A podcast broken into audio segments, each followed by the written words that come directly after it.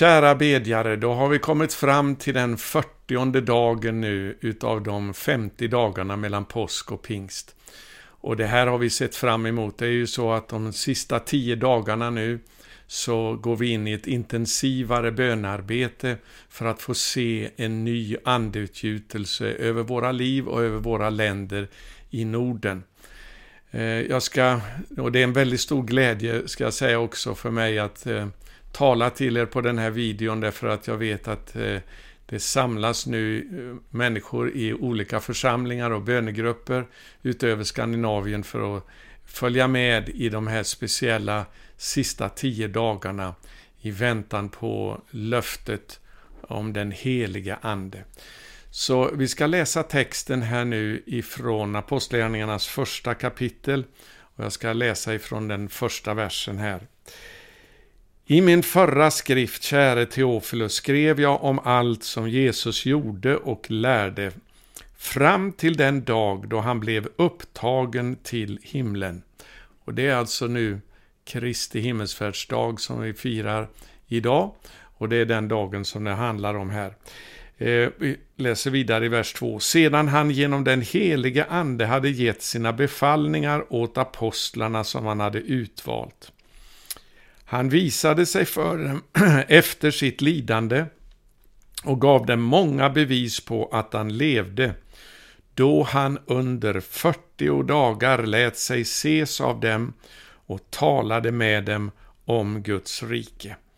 Så nu har vi alltså kommit fram i texten här till de här eh, till slutet av de här 40 dagarna.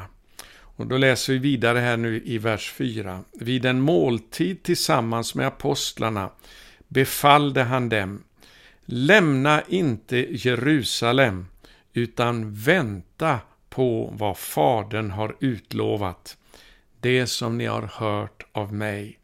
Ty Johannes döpte med vatten, men ni skall om några dagar bli döpta i den helige Ande. Och så läser vi vidare här från vers 6 nu. När de nu var samlade frågade de honom, Herre, är tiden nu inne för dig att återupprätta riket åt Israel? Han, de visste ju inte att han nu skulle tas ifrån dem upp till himlen. Eh, och därför så frågar de, är det tid nu för dig att träda fram som Messias, som Israels konung, för att upprätta riket åt Israel? Han svarade dem, det är inte er sak att veta vilka tider och stunder som Fadern i sin makt har fastställt. Men när den helige Ande kommer över er ska ni få kraft och bli mina vittnen i Jerusalem och i hela Judeen och Samarien och ända till jordens yttersta gräns. Då han hade sagt detta såg de hur han lyftes upp och ett moln tog honom bort ur deras åsyn. Så det var alltså på den 40 dagen nu som han eh, gav det här löftet om den heliga ande. Och att den heliga ande skulle komma över dem med kraft. Medan de såg mot himlen dit han for upp, se då stod två män i vita kläder hos dem. Och de sade, ni män från Galileen, varför står ni och ser mot himlen? Denne Jesus som har blivit upptagen från er till himlen, han skall komma igen på samma sätt som ni har sett honom fara upp till himlen. Och då ska han upprätta riket åt Israel när han sätter sig på sin fader Davids tron i Jerusalem. Så läser vi sedan ifrån vers 12. Då vände de tillbaka till Jerusalem från det berg som kallas Oljeberget och som ligger nära staden en sabbatsväg därifrån. När de kom dit gick de upp till det rum i övre våningen där de brukade uppehålla sig. Petrus, Johannes, Jakob, Andreas, Filippus, Thomas, Bartolomeus, Matteus, Jakob, Alfeus son, Simon Ivraren och Judas, Jakobs son. Alla dessa höll endräktigt ut i bön tillsammans med några kvinnor, bland dem Jesu mor Maria och vidare hans bröder. Så det här är det som händer nu alltså på den 40 dagen som vi har kommit fram till här. De får det här löftet nu om den heliga Ande och samtidigt befallningen att stanna kvar i Jerusalem för att vänta, som det står i vers 4 här, eh, på vad Fadern har utlovat. Nämligen att de ska bli döpta i den helige Ande. Och det händer ju sedan då, som vi läser om i det andra kapitlet, på den femtionde dagen, på pingstdagen.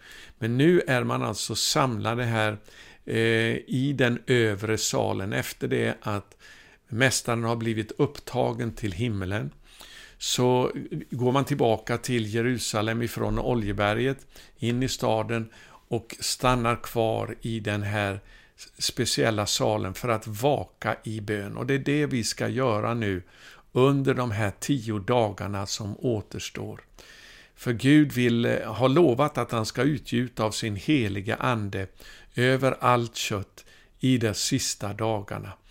Vi ska tala lite grann mer om det imorgon, eh, om, eh, som visar hur den här utgjutelsen av den helige Ande eh, i den yttersta tiden kommer att eh, ske gradvis, mer och mer, fram till dess att Jesus kommer tillbaka på himlens moln. Men jag vill att vi ska titta nu på parallelltexten här ifrån eh, när Israels barn har kommit ut ifrån öknen, eller ifrån Egypten och vandrat eh, Eh, och kommit fram till Sina i berg. Det här är väldigt intressant att se den här parallellen. Vi ska gå till Andra Mosebokens 19 kapitel och läsa ifrån vers 1. På den dag då den tredje månaden började, efter Israels barns uttåg ur Egyptens land, kom de till Sinai öken. De bröt nämligen upp från Refidim och kom till Sinai öken. Och så står det där, och de slog läger i öknen. Israel slog läger där, mitt emot berget. Och Mose steg upp eh, till Gud. Och det är ju eh, en bild på här nu hur Mose, den eh, efterträdare, profeten som är lik mig, som Mose utlovade, hur Jesus nu har farit upp till himlen. På samma sätt så stiger Mose upp nu till Gud på toppen av berget Sinai, medan de väntar på att de ska få det här mötet med Gud som inträffar då några dagar senare på den femtionde dagen. Det kan man se i texten här eh, i eh, Andra Mosebokens 19 kapitel. Vi ska inte gå in nu på det. Men vad jag vill lyfta fram här, det är den här parallellen att Israels barn har vandrat nu och kommit fram till Sinai och där slår man läger.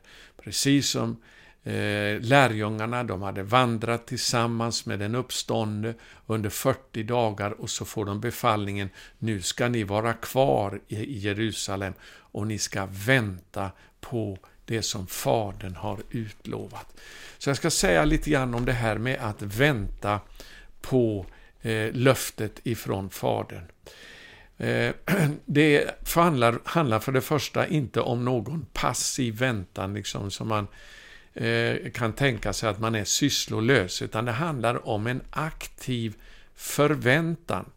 Eh, I den äldre 1917 års översättning i den svenska bibeln så stod det förbida där det Fadern har utlovat. Där man alltså ser fram emot att få en gåva ifrån Fadern.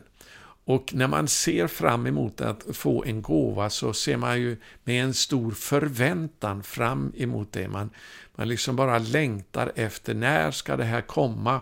Eh, förlåt mig parallellen här, men jag kommer att tänka på i barndomen när man på julafton väntade på att få eh, presenterna och julklapparna. Så eh, Ja, det är den närmaste bilden jag kan komma att tänka på. Det är den här aktiva väntan, man kan bara inte vänta. Kommer det inte snart? Och det är den ivern som vi ska ha nu, i en förväntan inför Fadern att han ska utgjuta av sin heliga Ande. Så när vi förväntar oss det här, jag, vill läsa några eh, bibelställen om det som eh, ni känner till redan här, men jag har läst det här flera gånger från Jesaja 64, men jag ska göra det igen. Det står O att du lät himlen rämna och kom hit ner så att bergen skakade inför dig. Det var ju det som hände på pingstdagen i Jerusalem. Det kom en eh, storm ifrån himlen Eh, e, e, ett dån ifrån himlen, ska jag säga, som om en våldsam storm hade kommit fram. Och så hoppar vi ner då till vers 4, där det står så här, aldrig någonsin har man hört, aldrig har något öra uppfattat, aldrig har något öga sett en annan Gud än dig. Och så lyssna här, handla så mot dem som väntar på honom. Så det är alltså det vi ska göra nu under de här tio sista dagarna. I ivrig väntan på att Gud ska uppfylla löftet att utgjuta av sin ande över allt kött i de sista dagarna. Och att vi ska få möta med honom på den femtionde dagen. Eh, vi ska läsa parallelltexten ifrån första Korintierbrevet 2 där Paulus citerar den här versen om att vänta på Herren, men han gör det med en annan, liten annan ordalydelse i första Korintierbrevet 2 och 9. Det står det, men vi känner som skriften säger vad ögat inte har sett och örat inte har hört och människohjärtat inte kunnat ana vad Gud har berett åt dem och så står det här, som älskar honom. Så när vi älskar Gud så är vi förväntansfulla på att han ska ge oss det som han har lovat. Och eh, det är någonting som övergår allt vårt förstånd. Det är långt mer än vad vi kan bedja eller tänka. Det är vad inget öga har sett, vad inget öra har hört eh, och vad ingen har kunnat tänka, ingen människa har kunnat tänka. Det är det som vi väntar på nu, att Gud ska göra mer än vad vi kan till och med eh, tänka ut, som det står i Efesierbrevets tredje kapitel. Jag ska läsa den bibelversen där också, för det är så starkt. I Efesierbrevets tredje kapitel, eh, den sista, näst sista versen. Han som förmår göra långt mer än allt vi ber om eller tänker genom den kraft som mäktigt verkar i oss. Det är det här vi ska förvänta, vänner. Långt mer än vad vi till och med kan be. Låt oss ha en stor förväntan till Gud om att göra mäktiga ting. När vi ivrigt väntar på honom, ivrigt söker honom. Det ska vi göra nu de här sista tio dagarna. Halleluja! Så det här är så spännande det vi är involverade i här nu. Det står så här också i psalm 130. Det här är en psalm om att vänta på Herren som jag vill uppmuntra eh, er alla med. Jag ska läsa hela psalmen härifrån vers 1. En vallfartssång. Ur djupen ropar jag till dig, Herre. Och det är vad vi ska göra under de här sista tio dagarna. Vi ska ropa ur djupen utav våra hjärtan. Herre, hör min röst. Låt dina öron lyssna till mina rop om nåd. Halleluja, det är så starkt det här. Och så kommer det sen, om du, Herre, tillräknar missgärningar, Herre, vem kan då bestå? Nej, det står sedan i nästa vers, men hos dig finns förlåtelse för att man ska frukta dig. Ja, det är honom vi kan gå till Eh, och bekänna våra synder, för det är bara han som kan förlåta oss när vi bekänner våra synder inför honom, så att det inte finns någonting som hindrar oss från att kunna ta emot ifrån honom det han har lovat, när vi ropar till honom. Och så kommer det då ifrån vers 5. Jag väntar på Herren. Min själ väntar och jag hoppas på hans ord. Låt det här vara vår inställning nu under de här sista tio dagarna. Min själ längtar efter Herren mer än väktarna efter morgonen. ja, mer än väktarna efter morgonen. Hoppas på Herren, Israel. Ty hos Herren finns nåd, full lösepenning finns hos honom. Det är han som ska friköpa Israel från all, alla dess missgärningar. Och det här kan vi också tillämpa på oss. Att Gud vill göra det här för oss i våra länder i Norden. När vi ropar från djupet av våra hjärtan och väntar på honom. Det var det som Jesus sa till lärjungarna. Nu ska ni vara kvar i Jerusalem och ni ska vänta på löftet ifrån Fadern, det ni har hört mig tala om. Och när vi väntar då så eh, ska vi vänta och, och, förvänta oss stora saker från honom, som jag sa. Och vi ska göra det i tro. Eh, jag vill citera det välkända bibelstället ifrån Hebreerbrevets elfte kapitel och sjätte vers där det står Men utan tro är det omöjligt att behaga Gud. Alltså de som det Gud har förberett för dem som älskar honom alltså. Och älskar vi Gud så vill vi behaga honom och då ska vi tro att han också svarar oss. Ty den som kommer till Gud måste tro att han är till och belönar dem som söker honom. Halleluja! Halleluja! Ta det här till dig Eh, och ta det till er ni som är samlade nu. Han lönar oss när vi ropar till honom av hela vårt hjärta och söker hans ansikte. Så det ska vi göra i tro och förväntan. Och sedan så ska vi göra det också uthålligt. Jag vill läsa psalm 40 här, de första verserna. Det är också väldigt uppmuntrande. Det står för sångmästaren en psalm av David. Jag väntade ivrigt på Herren.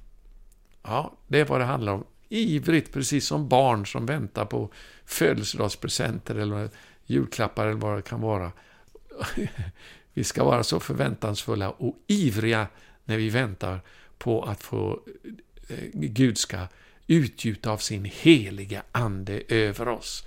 Låt det här uppmuntra oss till att ropa till honom av hela vårt hjärta. Jag väntade ivrigt på Herren och han böjde sig till mig och hörde mitt rop.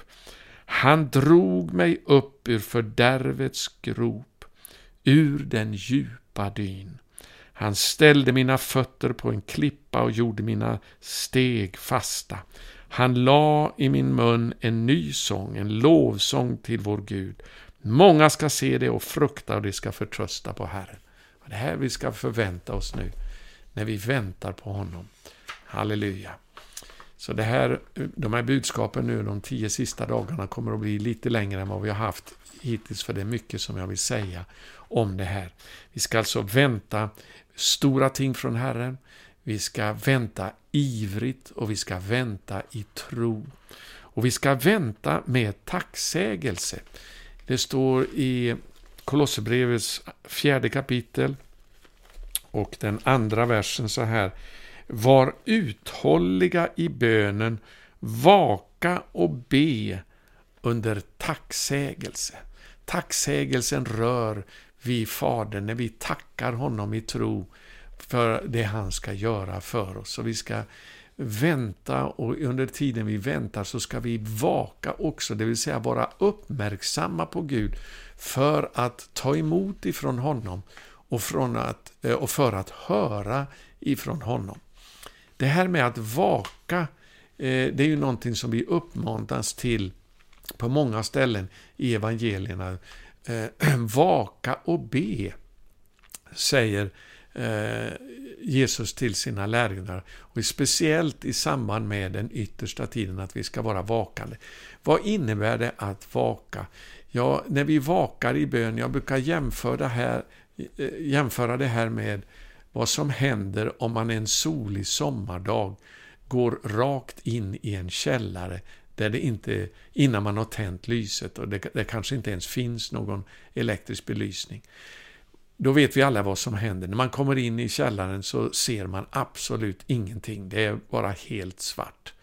Och då tänker man en källare där det inte finns några fönster alltså. Men om man stannar kvar så kommer ögonen så småningom att anpassa sig till det ljus som ändå finns. Och man börjar då kunna se, ja det finns ju saker och ting i rummet där i källaren som man inte såg tidigare. Och så är det med att vänta och vaka inför Herren. Det är att vi tränar våra andliga ögon och öron till att kunna urskilja det som är i det osynliga. För vi har inte bara fysiska ögon och öron. Bibeln talar också om att vi har andliga ögon och öron. Och de kan vi träna till att, om vi är uthålliga i att eh, vaka inför Gud och vänta på honom, så kan vi få upptäcka saker och ting som finns eh, i den osynliga världen och som Gud vill visa för oss. Och Det här det hjälper oss när vi ska söka honom. Så vi kan få vara stilla inför honom och förbida honom och vänta inför honom med iver och med uthållighet att han ska ge oss det som Fadern har lovat åt var och en som beder honom. Lukas 11 och 13. Om ni som är onda förstår att ge era barn goda gåvor, hur mycket mer skall inte då er himmelske fader ge den helige Ande åt dem som beder honom. Så jag hoppas att det här uppmanade, uppmuntrar dig nu till att vara ivrig och uthållig, förväntansfull och i tro eh, be Gud om att han ska göra mäktiga ting. Långt mer än vad vi kan be eller tänka ska vi förvänta oss. För Gud älskar oss när vi, eh, eh han älskar sina barn som, som förväntar sig att han ska ge dem det som är gott. Så det vill han göra för oss. Så Gud välsigne dig och Gud välsigne er alla som är samlade. Vi ska bedja nu om att den eh, heliga Ande ska komma över oss och att han ska visa oss underbara ting under den här tiden som återstår fram nu, eh, nu fram till pingst, de sista tio dagarna. Vilken förmån att få vänta på löftet ifrån Fadern. Fader i himmelen, jag tackar dig för att du aldrig gör någon besviken som söker ditt ansikte. Du har sagt att eh, var och en som söker, han finner. Och var och en som beder, han får. Och för den som klappar skall det upplåtas. Så jag ber om den här iven och förväntan nu hos oss alla. Att kunna tro dig om mäktiga ting. Långt utöver vad vi kan eh, ens föreställa oss. Det som inget öga har sett, inget öra har hört. Det som du vill göra mot dem som eh, väntar på dig, de som älskar dig.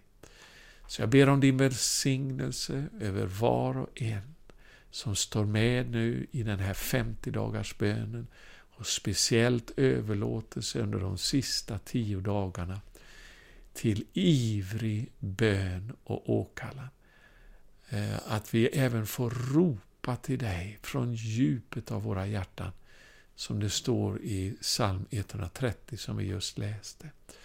Herre, jag tackar dig för att du inte kommer att eh, låta oss gå tomhänta ifrån dig. Jag prisar och lovar dig för det. I Jesu namn. Amen.